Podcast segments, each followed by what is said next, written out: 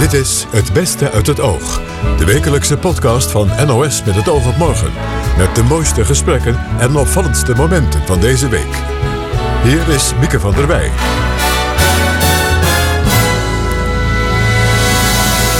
Ja, daar ben ik weer. Hartelijk welkom. Het was een week waarin we het vooral hadden over de coronacrisis.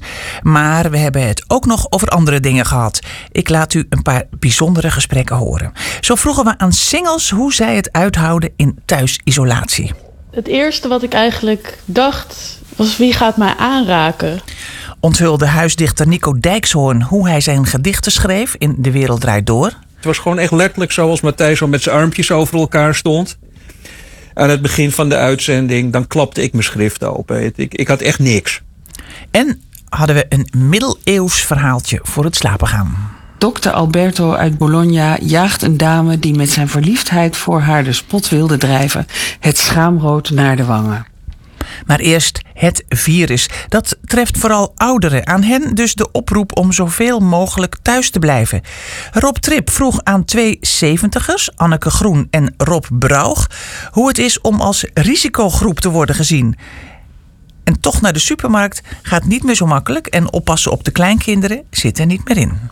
Ik heb ze al 14 dagen niet gezien. Ik ben van het begin af aan dat uh, werd geadviseerd om de kleintjes niet te bezoeken, ben ik inderdaad niet geweest. En hoe is dat? Uh, dat is natuurlijk heel jammer. Maar we hebben natuurlijk uh, FaceTime en zo. Hè. Dat, uh, dat heb ik vanmorgen nog gedaan. En dat is natuurlijk heel plezierig dat het toch kan. Ja. Hoe is het met u, mevrouw Groen? Nou, inderdaad. Kijk, ik, wij passen niet meer op. Maar we hebben de verjaardag van mijn man ook nou, min of meer via FaceTime met de kleinkinderen gevierd. Tenminste, een kort telefoongesprek. Hmm. Verder, verder ging het niet. En dat is ook niet zo makkelijk met drie kinderen tegelijk natuurlijk, via zo'n klein telefoontje. Maar anders dan anders, ja, uit uh, veiligheidsoverwegingen. En dat heeft ook meer te maken met de gezondheidstoestand van mijn man. Want uh, ik mankeer verder niks, dus het zou best kunnen, maar we doen het toch maar niet. Maar uw man is, heeft minder goede gezondheid? Die heeft een minder goede gezondheid. Dat betekent dat ik uh, extra oppas. Dus, uh, want hij moet het in op, ieder geval in de zin van Ik bedoel niet oppassen, nee, nee, echt, extra voorzichtig ben. Ja. ja, ja. Maakt u zich daar zorgen over?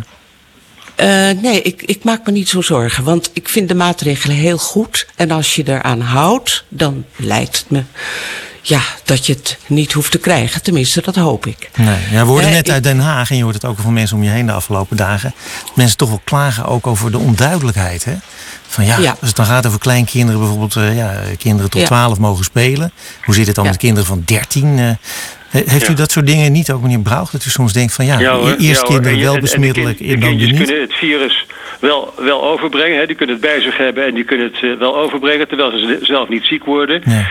Wel of niet. En dat gaat nou dus uh, weer onderzocht worden door het RIVM, dacht ik dat, uh, dat, het, uh, dat gezegd werd.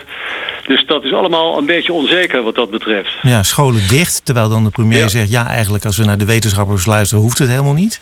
Denkt Ja. u dan ook niet van, ja, hoe zit dat nou? Ja, Nou ja, met, met de, exact. kle- ja. Ja, mevrouw Groen? Ja, maar met de kinderen ook. Ik denk dat je de ouders, zeg maar Hallo, onze ja? kinderen... Onze kinderen hebben, de, hebben ons nog meer nodig om op te passen. Dus kun je daar toch niet een bepaalde creativiteit... eh, kijk, die mensen zitten allemaal thuis met kleine kinderen. Nu mogen opa's en oma's... Het is al in ons boek Eindeloos Ouderschap onderzocht... hoe Ja. belangrijk die rol van die, van die opa's en oma's is. Nou, nu extra belangrijk. Ja. Dat- ik vind ja? trouwens, ik wil wel even graag kwijt. Ik vind dat de, de berichtgeving eh, mag wel wat explicieter naar de risicogroepen. In welke zin? Wat versta je onder ouderen? Nu heeft iedereen het gevoel, dat boven de 70 ben je oud. Eh, net zoals dat bejaarde uurtje bij Albert Heijn. Hè, gisteren las ik een column. Bejaarden gaan de loopgraven in. Las ik in een column in de Volkskrant. Hoe kan het toch dat er overal bejaarden op straat zijn? Nou, ik vond het een hele kwalijke uitspraak. Want voordat je het weet, stigmatiseer je mensen en maak je ze ook bang. Ik hou me beter aan de voorschriften dan menig geen met wie ik in het park loop. Zeg, mevrouw Groen, dat, dat, dat oudere uurtje waar u het over had, hè? heeft u daar Ja. al gebruik van gemaakt? bij Albert Nee, Heijn? Nee. Ik moet je eerlijk zeggen dat ik vanmiddag dacht, nou weet je, ik ga misschien maar eens even online Albert Heijn. Nou, dat vond ik een verschrikking. Dat had ik nog nooit eerder gedaan. Kostte me veel te veel tijd. Maar ik dacht, ik ga toch niet om zeven uur s morgens bij Albert Heijn. Eh. En bovendien, al die bejaarden bij elkaar. Als eentje het heeft, worden ze allemaal ziek. En moet ik straks mijn paspoort laten zien als ik op een ander tijdschip wil winkelen? Ja. Nou, nee, nee, nee, nee, Ik las de column van uh, Frits Abrahams in de NRC vanavond. Ja, ik ook. Die uit journalistieke plicht, zei hij, van het uurtje gebruik heeft gemaakt samen met zijn vrouw. Ja, het was uitgestorven, zei hij, in de supermarkt binnen. Ja. Ja, tuurlijk. Nou ja, een van de voordelen van het ouder zijn is dat je s'morgens een beetje redelijk op tijd, uur of zeven, half acht ben je wakker. Ga ik lekker de krant lezen. Maar dan ga ik een wandeling maken en uh, niet naar Albert Heijn. Nee. En wat ik zelf eerder in de uitzending zei, hè, van af en toe of gewoon eens even niet het nieuws volgen. Hè. Heeft u die behoefte ook? Of ligt dat aan mij vooral? Van dat als je toch heel veel volgt. Ik dat je, ik, ik volg alles. Ja? De hele dag door? S'morgens de radio en s'avonds alle nieuwsrubrieken. En ik lees drie kranten. Ja, ik volg alles. Ja. En nu, meneer Brouw? Ja. Ja, ik volg het ook wel, maar ik ben ook blij dat ik inderdaad me daar even van kan verlossen. Ik heb een moestuin en dan vind ik het heerlijk om een aantal uren daar te verblijven. Want dan zit ik heerlijk buiten en dan hoor ik alleen maar vogeltjes. Dus dat is, uh, dat is ook heel erg prettig. Ja, want het, het advies is blijf zoveel mogelijk thuis, hè? Maar u gaat wel Ja. naar buiten. Ja, ik ga wel naar buiten. Eh, ik, ik, ik, ik, ik zit op 10 minuten afstand van mijn tuin. Ik ga er op de, de fiets naartoe. Nou, daar kom ik bijna niemand tegen. Eh, en op de tuin, daar spreek ik uiteraard mensen, maar met eh 10, 20 meter afstand. Dus dat, eh, dat, daar doe ik niemand kwaad mee, denk ik. Nee. En hoe doet u dat, mevrouw Groen? Gewoon naar buiten? Ik eh, loop elke dag een kilometer of vier, vijf. Ik woon naast een park. Nou, ik, ik vind het ook. Ik heb dat park natuurlijk nog nooit zo mooi ontdekt als nu. Hè? Een beetje met dit mooie weer. Elke dag zie ik meer eh, prachtige blaadjes en plantjes. Waar ik vroeger nooit naar keek. En eh, ik heb een enorm zware, moeilijke legpuzzel aangeschaft. Ik dacht ineens, vroeger vond ik dat zo leuk. Dat ga ik, nou, hij is echt verschrikkelijk, maar ik maak hem af. Hij is erg leuk en dat leidt af. Zet ik mooie muziek op. Verder lees ik, eh, nou nee, ik kook lekker. Ik doe van alles. Ja. En ik probeer Ja. niet somber te worden door Kost- al die berichten. Kost dat moeite? Mm, nee, eigenlijk niet. En Nee. hoe komt dat? Zit dat in uw aard? Of? Ik denk dat het wel in mijn aard zit. Je, moet er, je moet er wat van maken, zeg ik altijd. Maar ehm, ja, dat moeten we niet doen. Nee. Zeker niet als we steeds zo aangesproken worden als bejaarden. Ja. Zeg, meneer Brouw, hoe zit het met uw somberheid? Of, of Nou geen nee, ik ben, somberheid? niet, ik ben niet somber. Ik ben zeer oppassend, maar ik ben zeker niet somber. En ik, eh, ik zie ook, eh, zeg maar, eh, de, de, de, de, de, de positieve kanten nog steeds blijf ik zien. Hè, dat, eh, dat, dat, er, eh, dat er bijvoorbeeld dat er, eh, dat er geen zieken zijn in de familie, dat vind ik nog altijd, daar ben ik altijd zeer dankbaar voor. Mevrouw Groen, Waar ik me er... wel zorgen, Ja. ja. ik maak me wel zorgen over de economie natuurlijk. Ja. Ja? Hey, ik wilde nog wat anders vragen, mevrouw Groen. Wat- De discussie die ook inmiddels een beetje opkomt... is IC-artsen die zeggen tegen ouderen... denk vast eens na of je überhaupt op een IC wil belanden. Eh, Stel dat het straks zover komt. Ja. Wat denkt u als u Ja. dat hoort? Ja, ik denk dat je daar, daar hebben wij het natuurlijk ook over gehad. Daar moet je even heel goed over nadenken. Wij hebben als ervaring in de familie dat het echt verschrikkelijk is. Een ontzettende ervaring om op een IC te liggen. En hoe je daaruit komt, dat weet je niet. Dus daar moet je goed over nadenken. Ik vind het heel verstandig dat artsen dat bespreken. Daarom liggen de ziekenhuizen misschien in Italië ook zo vol, want daar is het onbespreekbaar. Dat je misschien zegt, ik wil, ik wil dat niet. Ja. Laat mij dan maar eh, niet behandeld worden als ik geen kans heb om er echt goed uit te komen. En wat zou u denken, meneer Brouw? Ja, nou ja ik, ik maak me inderdaad wel zorgen om eh, zeg maar het eh, mogelijk tekort aan beademingsapparatuur bijvoorbeeld. Maar eh, ik, kan dit, ik kan niet beoordelen op dit moment van wel of niet. Misschien ben ik tegen die tijd, als, ik, als dat moment is aangebroken, zo ziek... Hè, dat, ik, dat, ik, dat ik dan zeg van nou laat maar, mij maar lekker gaan. Want ik heb er geen zin meer in zo. Hè, dat zou kunnen. Maar op dit moment denk ik van jongens, red mij. Als vitale 70 Want ik vind het leven nog veel te mooi. Zo is het. Misschien vindt u het een hele opgave om dagenlang op de lip van uw man of vrouw te zitten, maar hoe is dat voor singles? Alleenstaande snakken soms juist naar mensen om zich heen, zo leerde Koen Verbraak deze week. Hij sprak met Gijs van der Sande en met Alma Matthijssen, twee schrijvers die deze coronacrisis in hun eentje moeten beleven in het normale leven, en dat normale leven lijkt nu al heel erg ver weg, ehm, eh, vind ik mijn status als single eigenlijk nooit heel erg een probleem. Ik bedoel, er zijn wel eens momenten dat je je daar bewust van bent. Ehm, maar het is niet zo ontzettend voelbaar als, uh, als nu in deze corona-tijd waarin, we, waarin we leven. Ja. Want ligt de eenzaamheid op de loer? Ja, wel een beetje.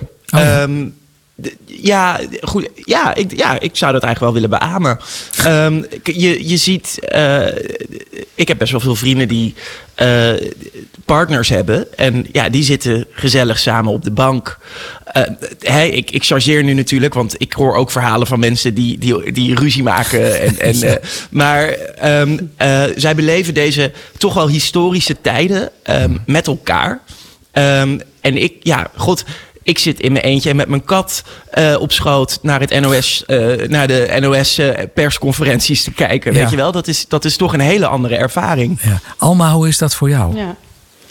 Nou ja, het eerste wat ik eigenlijk dacht toen, toen dit ja, allemaal gebeurde, was wie gaat mij aanraken de komende tijd? Oh ja. Hm. En ja, het antwoord is niemand. Dat klinkt niemand gaat klinkt mij aanraken. Dat klinkt wel heel droevig ook. Ja, maar dat is het toch ook? Ja? Ja, dat is gewoon...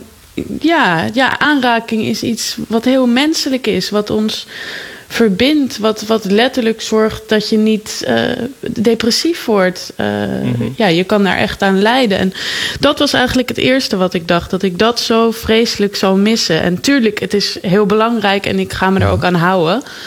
Uh, uiteraard. Maar moeilijk is het wel. Hoe is dat ja. nu? We zijn nu twee weken verder. Is, is, is dat inderdaad een, een, een zwaar gelach? Een hard gelach? Nou, ik heb wel ja, huidhonger. Er is dus ook echt een term voor. Dat vind ik een heel mooi woord. Huidhonger. Ja. ja.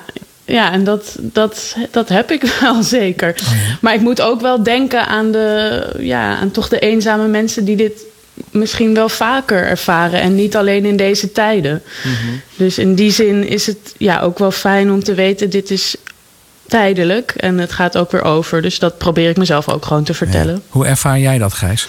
Huidhonger. Ja, ik, wat een prachtig woord, uh, ja, Alma, huid, uh, huidhonger. um, en ook als je dat woord zo, zo zegt, dan voel ik bijna uh, precies inderdaad wel wat je bedoelt. ik, hmm. ik realiseer me nu dat eigenlijk de, de God, ga ik dit echt hardop zeggen? Ja, maar, je gaat maar het zeker hardop dus zeggen. Ja, ja, ja, maar dat is het enige wezen waar ik nu fysiek contact mee heb, is mijn kat. die, die, uh, die, die komt s'nachts gezellig bij me liggen. En dat is, nou, dat is wel gezellig, inderdaad. Maar um, uh, nee, inderdaad, gewoon menselijk contact. Dat, dat is natuurlijk met partners zo, maar ook vrienden knuffel ik niet meer als ik ze, nee. als ik ze al zie. Hè? Want ik, ik zie eigenlijk ook bijna heel weinig mensen nog tegenwoordig. Ja, ik, ik, wil niet impertinent zijn, maar ik kom in bladen en kranten ook allemaal artikelen tegen van uh, kruip lekker bij elkaar en benut deze tijd om veel seks te hebben. Ja. Hoe gaat dat? Hoe, ja. hoe, hoe, is dat voor jullie dan? Heel simpel, dat is er niet. Nee? Nee, ja, nee, dat, want, dat, lijkt me logisch. Want daten is nu ook even geen optie, hè? Nee. Nee. Ja, ik, ik, uh, ik, ik heb mijn apps wel. Ik, ik, ja. ik, ik, ben, ik zit nog steeds uh, op Tinder en uh, op Grindr, dus de, de homo dating app. En um, wat ik wel grappig vind, is dat je mensen daar ook ziet. je hebt natuurlijk een bio waarin mensen dan kort omschrijven wie ze zijn, wat ze doen. En daarin zie je nu ook teksten als um, dat ze corona heel serieus nemen, dat ze alleen willen kletsen. of dus geen, geen fysieke date willen, maar gewoon uh, gewoon willen kletsen online. Ja. En, en wat, wat, hoe, hoe annonceer je jezelf? ja, ik, ik, ben, ik, ik weet niet. Ik zit sowieso, ben altijd meer een beetje passief op die apps. Ik heb nog een, op dit moment niet actief contact met iemand. Of ben je maar voor een leuke man ook bereid om die anderhalve meter in te leveren, zou ik maar zeggen? Ja, ja, maar het, het, het, lijkt me wel ingewikkeld. Als ik, stel, je hebt nu een leuke match. Ja, wat doe je dan? Ga je dan ja. inderdaad op date of niet? Ja. Mag, ja, je, kan eigenlijk niet natuurlijk. En, maar dat doe je ook niet? Nee. Nee. En, en hoe is dat bij jou, Alma? Ja, ik heb dat eigenlijk dus nooit gehad, die apps. Maar ik, ik moet oh. toegeven dat volgens mij de quarantaine... Ik, ben vanavond op Bumble gegaan. Omdat ik het gewoon even niet meer trok. Maar ik ken dat ja, ik weet niet. toch ook niet of dat... Ja, Bumble is een, een app en dan moet je als vrouw eerst initiatief nemen. Ah. Ja, maar ja, het is... Ik denk en, en dat heb je ook gedaan tijden, vanavond? Nee, nog niet. Ik heb alleen maar matches gemaakt. Maar ik oh. hoor wel van andere single vrienden die ook soort van ja, toch maar die apps dan gaan downloaden en tegelijkertijd zeggen ja, de quarantaine made me do it. uh, omdat ik denk dat toch wel meer mensen die nu single zijn deze eenzaamheid ervaren. Ja. Maar jullie zijn allebei schrijver hè, van jullie vak. Nou, de oorlog heb je niet meegemaakt, maar dit dan toch wel. En dit is misschien een enorme goudmijn voor een schrijver. Ja, nou ja, ik denk wel dat het is een ergens een hele moeilijke. Ik, ik vind het zelf nog moeilijk als schrijver om te denken: hoe ga je hier nou mee om? Want het mhm. is eigenlijk, de fictie is gewoon realiteit geworden. Mhm. Dus we leven in een wereld waar Donald Trump president is en, we moet, en hij moet eigenlijk een pandemie uh, gaan oplossen. Nou ja, als je dat vijf jaar geleden had gehoord, dan was dat een, een, een prachtige sci-fi film, weet je wel. Een roman, ja, precies. Ja, ja dus dat vind ik, ik vind het moeilijk. Wat voor verhalen we nu behoefte hebben. Hebben we misschien zin juist in escapisme, weet je wel? Schrijf je ook over huidhonger? uh, ik, ik heb een stuk nu voor de, voor de Linda geschreven over, uh, over huidhonger. En oh eigenlijk ja, ja, hoe meer je erover leest, hoe meer je ook ziet dat het iets is wat al zo lang bestaat. En ik begin me ook bijna zelf een beetje schuldig dan erover te voelen dat, dat, ja, dat ik dat dan nu zo ervaar. Terwijl er natuurlijk hartstikke veel eenzame mensen zijn die er ook al zijn voor, voor corona. En ik hoop eerlijk gezegd toch zelf wel heel erg uh, dat we met z'n allen en ik zelf ook, uh, ja, toch ook aan hun blijven denken. En hoe we uh, voor mensen die al eenzaam zijn en, en, en huidhonger hebben, hoe we dat ietsje prettiger voor hun kunnen maken. Want dit is niet een fijn gevoel. Het was ook de laatste week van uh, De Wereld Draait Door. Stopte na 15 jaar. Een vaste waarde in het programma was huisdichter Nico Dijkshoorn. Hij luisterde menige woensdagavond op met een gedicht. Aan Lucella Carasso vertelde hij hoe dat ooit begon. Ja, ik, ik, ik zat daar met, inderdaad met een, met een dichtbundel. En uh, ik, ik las daar een aantal gedichten uit voor. En uh, nou, dat, ik geloof dat Matthijs dat leuk vond. En uh, wij, hadden, wij hadden eigenlijk, uh, toen ik naar huis reed, dacht ik van, oh, had ik wel de sensatie van, van oeh, dit was, ik hou van live, ik hou van live televisie. Uh, ik, ik, ik, had heel erg, dus op de terugweg naar huis van, jeetje, dit zou ik wel meer willen doen. Mm -hmm. En ik hoorde later, en de volgende dag werd ik ook opgebeld door de wereld daardoor. Matthijs had ongeveer hetzelfde gevoel gehad. En toen zijn we het gaan proberen eerst vier, we hebben afgesproken, we gaan het vier keer proberen. Als het dan bevalt, dan gaan we door. De eerste keer zat ik heel raar ergens op, uh, gewoon tussen de gasten. En stond ik opeens op en begon ik iets voor te lezen. Dat begreep niemand. en daarna ben ik achter die kaars terechtgekomen met een glas bier. Ja. En, uh, en elf jaar blijven zitten. Ja. Dus, uh, maar het was vooral het, de live feel die mij, het live gevoel wat mij naar de wereld draait door trok. En dan luisteren, voelen en, en schrijven tijdens de gesprekken, tijdens de uitzending. Begon dat als de uitzending ging lopen nou echt altijd met een blanco blaadje? Of bij de voorbereiding misschien al wat, wat dingen opgeschreven? Nee, Nee, daar was ik wel echt heel principieel in. Ik, heb, ik weet wel dat ik de eerste twee, drie keer dat ik er zat, dat ik inderdaad op Wikipedia ging zoeken. Van, van wat, wat, wat, wat is dat voor snuiter die daar vanavond zit. En, uh, maar dat werd veel te gevat, dat werd veel te bedacht en uh, te leuk. Dus het, uh, ja, en misschien eh, correspondeert dat dan ook niet met wat de kijker dan oppikt op dat moment. Nee, nee, precies. Nee, dat is inderdaad precies wat er aan de hand was. Ik, uh, ik ben ook heel blij. Ik, ik, was ook heel blij dat ik tussen dat publiek terecht kwam. Ik zat daar tussen die, tussen die mensen en ik voelde tijdens het schrijven voelde ik, uh, voelde ik ze, ik hoorde ze zuchten naast me als ze het niet eens waren met wat er aan tafel gebeurde. Of ik voelde ontroering om me heen. En ik denk dat, uh, dat heb ik steeds geprobeerd om, uh, nou ja, dat mijn uh, gedicht, dat dat ongeveer, dat, dat, dat het daarover ging. Dus ik schreef, het was gewoon echt letterlijk zoals Matthijs zo met zijn armpjes over elkaar stond. Aan het begin van de uitzending, dan klapte ik mijn schrift open. Ik, ik had echt niks. Het zou heel flauw zijn. en je was uh, nou, vaak heel uh, positief of ontroerd, maar ook wel eens een beetje filijn of venijnig over mensen die in de uitzending zaten. Ja. Hoe, hoe was het om dat zo direct voor te dragen waar ze bij zitten? Ja, nou ja, ja nee, dat, vond ik nou niet, dat vond ik niet eng. Dat, dat, als iemand, als ik dacht van ja, jij zit, jij zit gewoon echt een lulverhaal te, te vertellen dan, eh, dan kwam dat wel in mijn, uh, in mijn boekje terecht. Wat wel erg heeft geholpen, dat is wel grappig, dat is puur toeval. Ik zat altijd, de, de, mijn plek was daar ideaal voor. Dat is niet zo bedacht, maar ik zat dus iets hoger.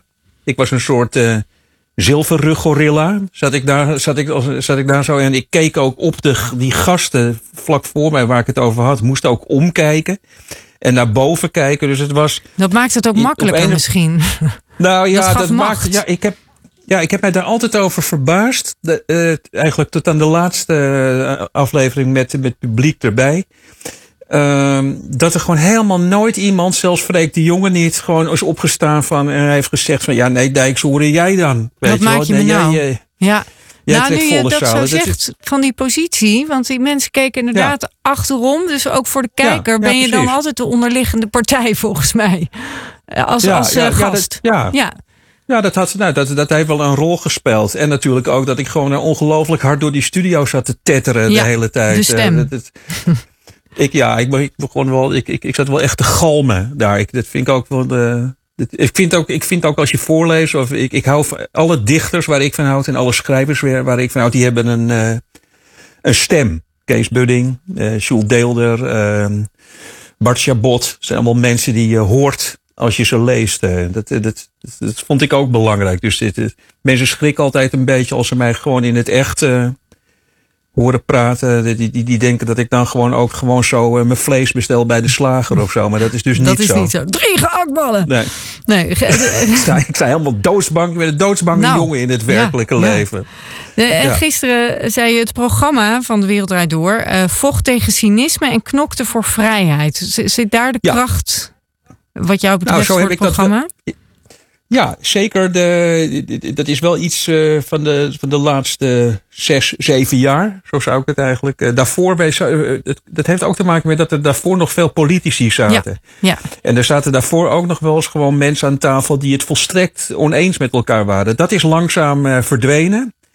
En ik heb het ook wel langzaam bij Matthijs. Hij, hij, hij, had het de laatste jaren daar ook veel meer over. Weet je wel, van een soort verveling als hij uh, naar uh, andere talkshows keek. Hij wilde gewoon echt eigenlijk iets maken waar hij zelf aan in vuur en vlam uh, stond. Dat, dat, dat, dat, ik, heb, en dat, ik, heb, ik geloof hem daar ook helemaal in. Dat, ik denk dat dat uiteindelijk de kracht was van de laatste jaren. Dat ja, de positiviteit, je, de passie.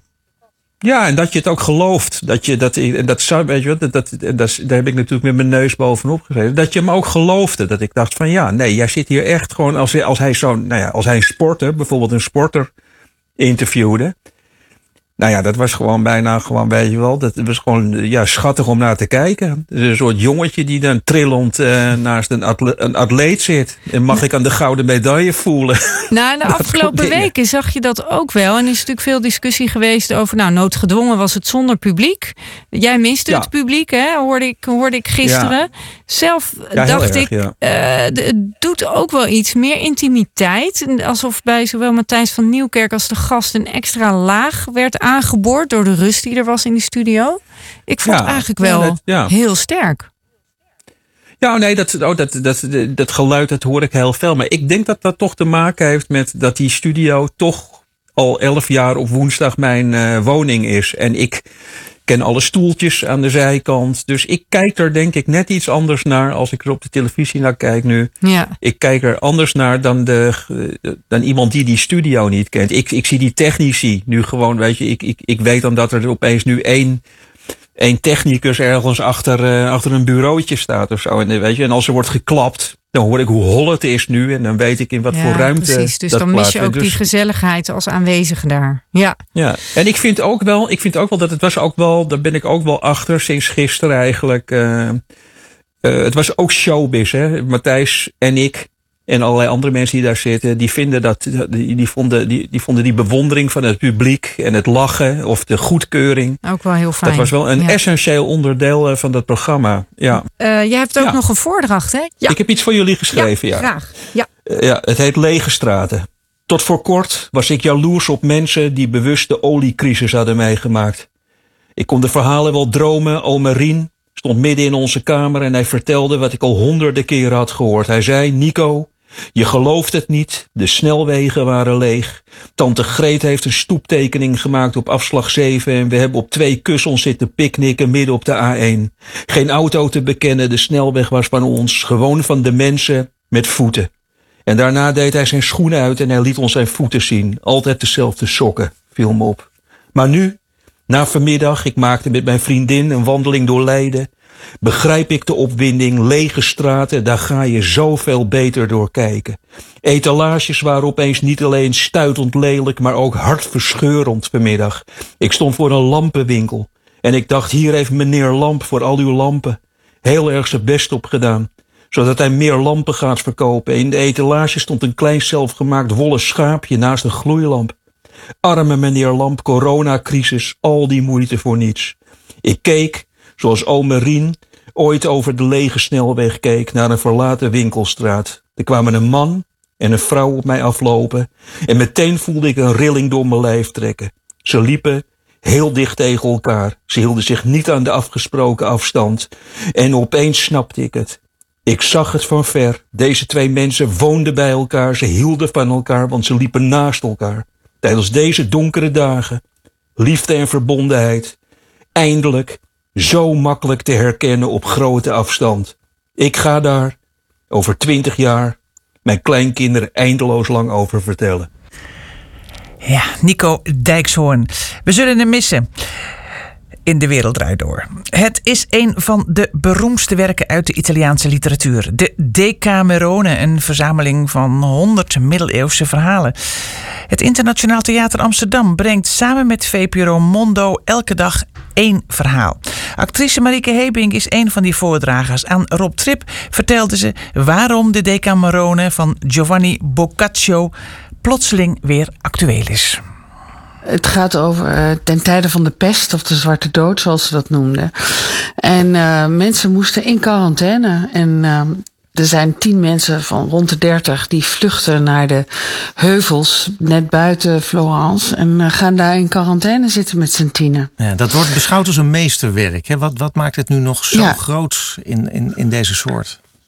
Um, nou, het gaat over uh, de dingen van het leven. Over de liefde, de vreugde, genot, pijn, waanzin, uh, grappige dingen, hele serieuze dingen. En um, hele ja, dingen die bij het moderne leven horen eigenlijk. En die worden in prachtige volzinnen uh, beschreven door deze man. Dus in die zin zou je kunnen zeggen is het uit die tijd. Maar waar het over gaat is weer heel modern en heel erg van deze tijd. Van nu, ja. Dus daardoor wordt het mooi. Ja. En welk verhaal draagt u voor? Um, ik draag voor verhaal nummer 10. Mm -hmm. Het zijn 100 verhalen voor 100 dagen. En daarbovenaan staat: Dr. Alberto uit Bologna jaagt een dame die met zijn verliefdheid voor haar de spot wilde drijven. Het schaamrood naar de wangen. En, en lees u eens verder. ja, we zijn benieuwd. Um, nou, ik, ik wil wel een stukje voorlezen. Dat duurt een paar minuten. Graag. Halverwege begin ik, toen de geleerde arts achter hun hoffelijke woorden de plagerij begon door te krijgen, verscheen er een glimlach op zijn gezicht en zei hij: Mijn verliefdheid, dame, zal geen enkel wijs man verbazen en nog veel minder het feit dat ze zich richt op u, die haar ten volle waardig bent. En ofschoon de natuur de mannen met het klimmen der jaren de benodigde krachten voor het liefdespel ontneemt, verdwijnt daarmee niet het verlangen daarnaar en evenmin hun inzicht in wat beminnenswaard is. Integendeel, hun grotere levenservaring geeft hun op dat punt een streep voor op de jongeren. De hoop die een oude man als ik bezielt in zijn liefde voor een door zoveel jonge kerels begeerde vrouw berust op de volgende ervaring. Meer dan eens zag ik vrouwen als vier uurtje lupine en prei eten. En hoewel het witte hart van de prei nog een, het minst schadelijke en onsmakelijke gedeelte van dit waardeloze gewas is, nemen ze het door misplaatste eetlust verleid meestal juist bij dit hart vast en eten de bladeren op, die niet deugen en zelfs een uitgesproken slechte smaak hebben. Wie zegt mij, dame, dat u bij de keuze van uw middaars niet op dezelfde manier te werk zult gaan? In dat geval zult u mij uitverkiezen en de anderen wegjagen. De edelvrouw voelde, evenals haar vriendinnen, het schaamrood naar haar wangen stijgen en zei: Meneer, u hebt ons op een hoffelijke manier op onze plaats gezet.